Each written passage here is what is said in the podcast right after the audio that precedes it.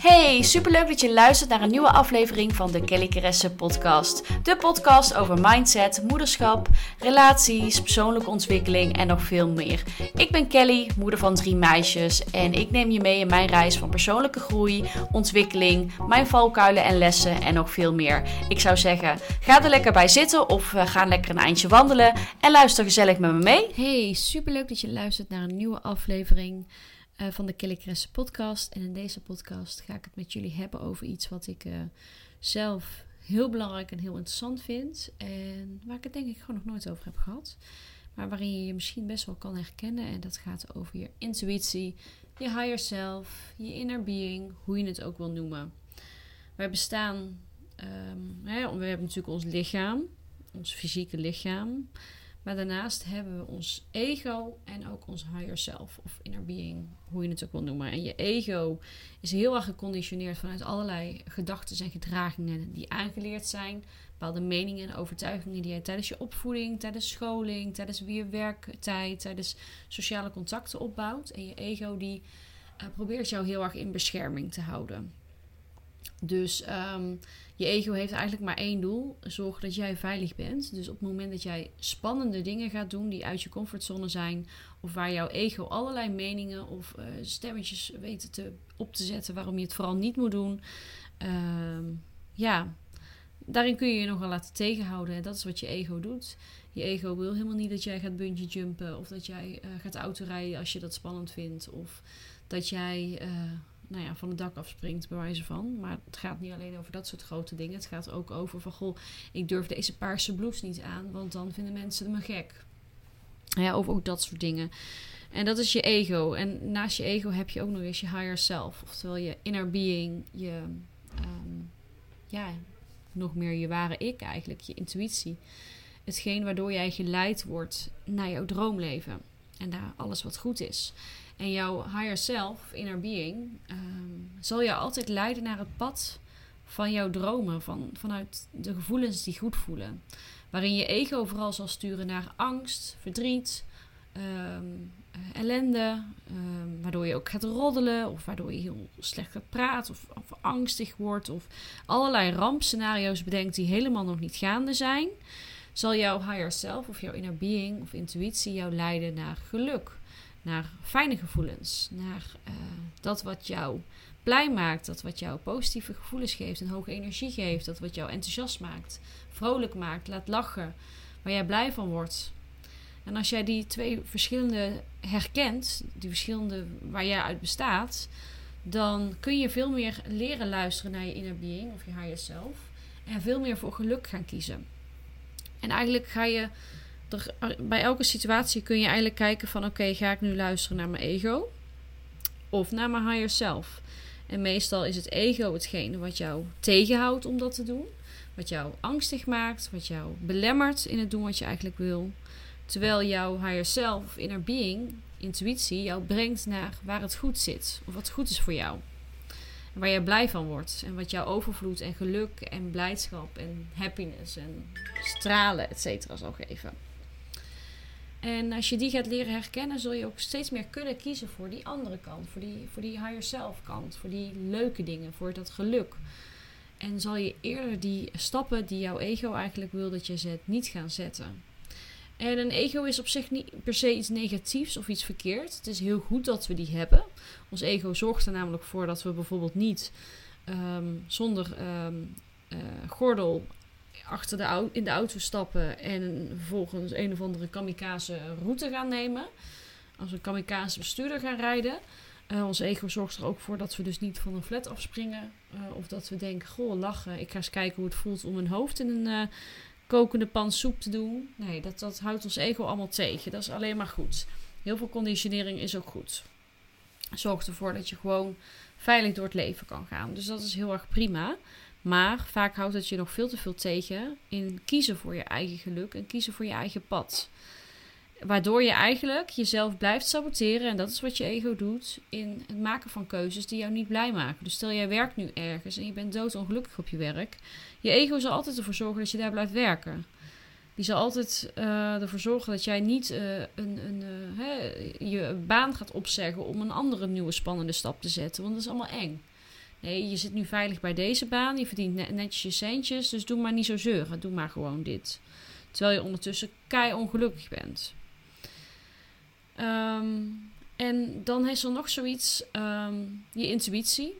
En intuïtie is, niet is, is, is ook gestuurd vanuit je higher self eigenlijk. Vanuit jouw hogere zelf. Vanuit meer jouw, jouw spirit, zeg maar. Om niet te spiritueel te worden. Of tenminste, niet te zweverig. Of, nou, ik wil praktisch blijven, laat ik het zo zeggen. Want het is niet zweverig. Het is gewoon wat het is. Maar om het praktisch te houden, is wat je intuïtie ook doet. Is zorgen dat jij aanvoelt wat voor jou de beste keuze is. En soms kan intuïtie heel erg zijn van dat als er gevaar dreigt, dat jij op tijd de waarschuwingen krijgt. Dan is dat niet per se iets heel leuks, maar zorgt jouw intuïtie op dat moment wel voor dat het goed afloopt.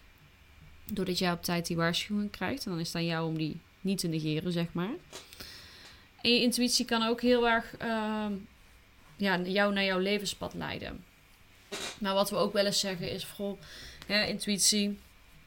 Ja, ik voelde het eigenlijk al aan dat, dat iets niet goed zat, bijvoorbeeld. Zo hebben moeders een heel sterk intuïtief gevoel rondom hun kinderen. En hoe meer ze daarnaar luisteren, hoe, hoe vaak ook blijkt dat ze daarmee gelijk hadden. Ik had bijvoorbeeld toen ik uh, zwanger was van mijn eerste. Toen was ik natuurlijk nog niet echt moeder. Nee, ik was wel moeder, maar ze zat nog in mijn buik. Met 34 weken had ik ineens heel veel klachten.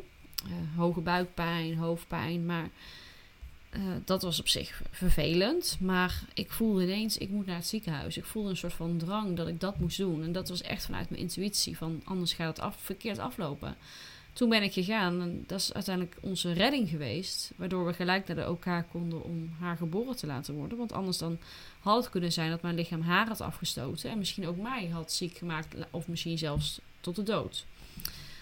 Um, dus je intuïtie waarschuwt je dan ook. En dan heeft dat niet per se te maken met je, uh, je doelen en je dromen. Maar ook weer wel. Want anders dan, waar waren we dan geweest? Dus je intuïtie is ook een soort van waakvlammetje die jou waarschuwt. Wanneer er iets gaande is. Of wanneer er gevaar dreigt. Of ik voel bijvoorbeeld ook aan mijn kinderen aan als ze iets hebben. Soms zelfs op afstand. Dan zijn ze op school, maar dan voel ik iets. En dan wil ik toch even checken. Of soms lig ik in bed en soms is het ook gewoon bezorgdheid. En dan denk ik, hmm, ik weet niet of ik weet niet. Ik, uh, ik ga toch eventjes kijken uh, bij Lana of ze wel goed in haar bedje ligt. En dan ga ik vervolgens kijken en dan uh, lag ze goed. Maar het kan ook wel eens een keer zijn dat ik ineens dat gevoel heb. En dan ligt ze niet in haar bed, maar dan ligt ze ergens in de kamer. Op de grond in de kou. Omdat ze was gaan slapen wandelen. Nou, dan ben ik toch blij dat ik dat aangevoeld heb. En haar veilig in haar bedje heb gelegd. Zodat ze lekker warm kan slapen. Ook dat is intuïtie. Maar intuïtie wordt ook met andere dingen gebruikt. Ze zeggen wel bijvoorbeeld intuïtief leven of intuïtief eten. Nou, intuïtief eten is heel erg van je eet op gevoel. Dus je eet wanneer, iets, iets, wanneer je honger hebt. En wanneer je vol zit, stop je met eten. En je voelt het aan wanneer je iets nodig hebt. Uh, intuïtief leven is eigenlijk ook heel erg in flow leven. Van goh, we zien wel hoe het loopt. In plaats van heel erg op de tijd en, en druk. Zelf heb ik diabetes type 1. En um, dat was ook, daar kwam ik ook heel intuïtief achter. Dat ik denk, ik moet nu naar het ziekenhuis, want volgens mij is er iets mis. En zo zijn we erachter gekomen. En mijn bloedsuikers, um, die, die meet ik zeg maar met, uh, met een sensor. Maar officieel zou ik ook nog eens al mijn koolhydraten die ik eet moeten tellen. Nou, ik eet low carb, maar ik eet nog steeds koolhydraten. Want koolhydraten zitten ook in groenten, in paprika, in sla. Nou, overal, alle groenten bevatten eigenlijk wel koolhydraten. Um, dus eigenlijk zou ik die moeten tellen. Zo is het wel vanuit het ziekenhuis geleerd. En op een weegschaaltje, et cetera. Maar dat doe ik eigenlijk vanaf het begin al intuïtief. Omdat het ook gewoon geen touw aan vast te knopen was om het te gaan berekenen. Want dat klopte het steeds niet. En inmiddels heb ik zo'n sterk gevoel dat ik het gewoon voel wat die maaltijd gaat doen. En natuurlijk zit ik er wel eens naast. Um, maar vaak zit ik er wel goed bij. Of soms dan, een hypo voel je soms natuurlijk aan bepaalde lichamelijke signalen aankomen. Maar soms ook niet. Maar dan heb ik wel het gevoel dat ik dat moment even moest checken. En dan klopte het inderdaad ook. Dus dat is ook wat intuïtie doet. En dat is ook weer gekoppeld aan je higher self. En hoe meer je daarna gaat leren luisteren, hoe meer je kunt gaan kiezen voor geluk. En hoe meer je kan gaan vertrouwen op je eigen lichaam en op je eigen uh, gevoelens. Als iets niet goed voelt, dan is het niet goed. Soms dan blijf je dingen doen, maar voelt het eigenlijk helemaal niet goed blijf je een bepaald contact onderhouden met een bepaalde vriendschap, omdat het zo hoort. Maar voelt het eigenlijk helemaal niet goed. Waarom zou je er dan mee doorgaan? dan is het het ego dat zegt, ja, maar dat kun je niet maken of eh, weet je wel. Oh. Terwijl je gevoel vaak zoveel voor je aangeeft. En hoe meer jij, als jij bepaalde keuzes wil maken of bepaalde dingen wil doen, je hoeft eigenlijk maar één ding te doen. Voelt die keuze goed? Maakt het me blij, vrolijk, enthousiast? Heb ik er zin in? Dan is het een goede keuze. Want dan komt dat vanuit je, dat, dat gevoel komt vanuit je higher self of je inner being. Voelt het niet goed, denk je, nee, ik heb geen zin in, het is echt verschrikkelijk. Ja, doe het niet. Of kijk hoe je er onderuit kan komen. Of wat, wat eventueel andere oplossingen zijn waardoor het toch goed voelt. Hè, een alternatief. Maar hoe meer je naar jouw gevoel kan luisteren en kan doen wat voor jou goed voelt, hoe mooier jouw leven wordt. Hoe meer je volgens jouw voorwaarden gaat leven. En hoe meer jij kan kiezen voor geluk. Waarom zou je dingen doen die je niet leuk vindt? Waarom zouden we zo hard voor onszelf moeten zijn? Om dan die stomme baan aan te houden en die. Um, weet je, tuurlijk zijn er dingen die niet leuk zijn. Laat ik even heel simpel zijn. Weet je, ik vind het ook niet leuk om, um, um, om de wc schoon te maken of om de tafel af te ruimen na te eten.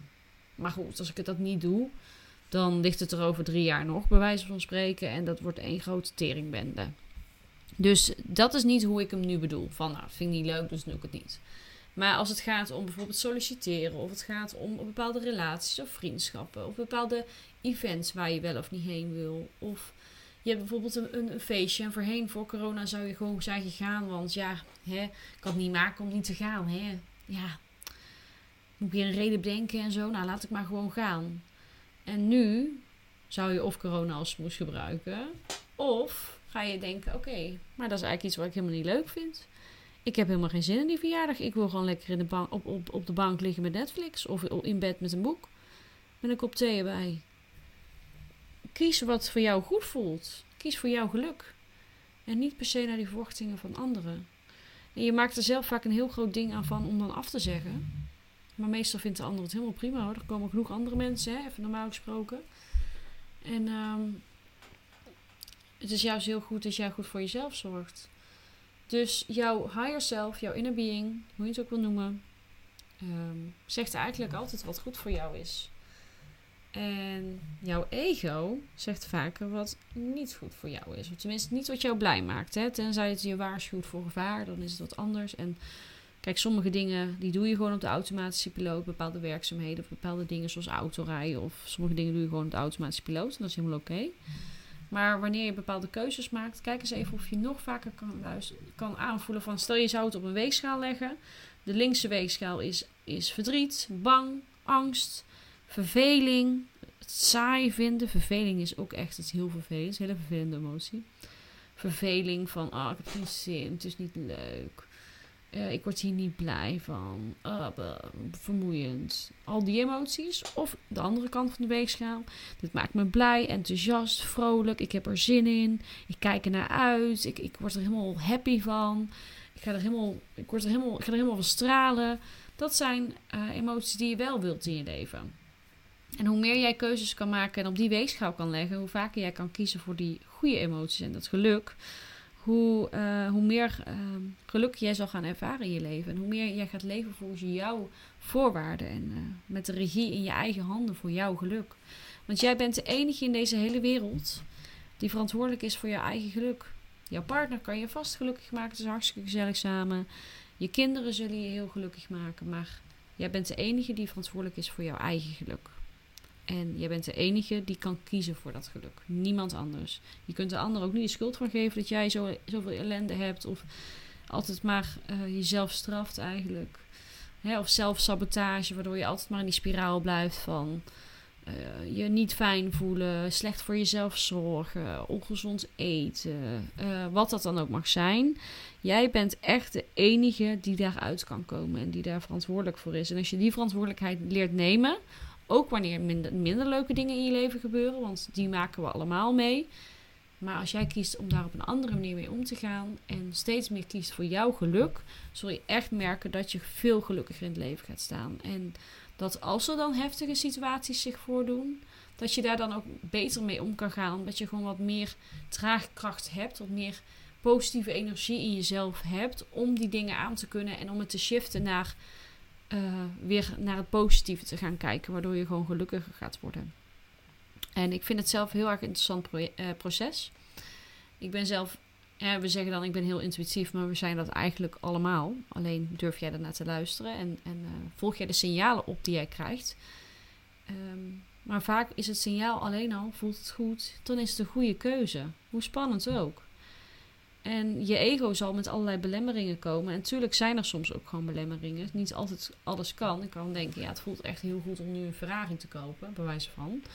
Maar, en ik heb het geld niet op mijn rekening staan, dus het kan al niet eens. Maar ook, ja, die Ferrari, ja, uh, ik kan beter van dat geld uh, mijn kinderen eten geven en de hypotheek betalen. En nou, weet je, dat zijn even hele grote uitzonderingen.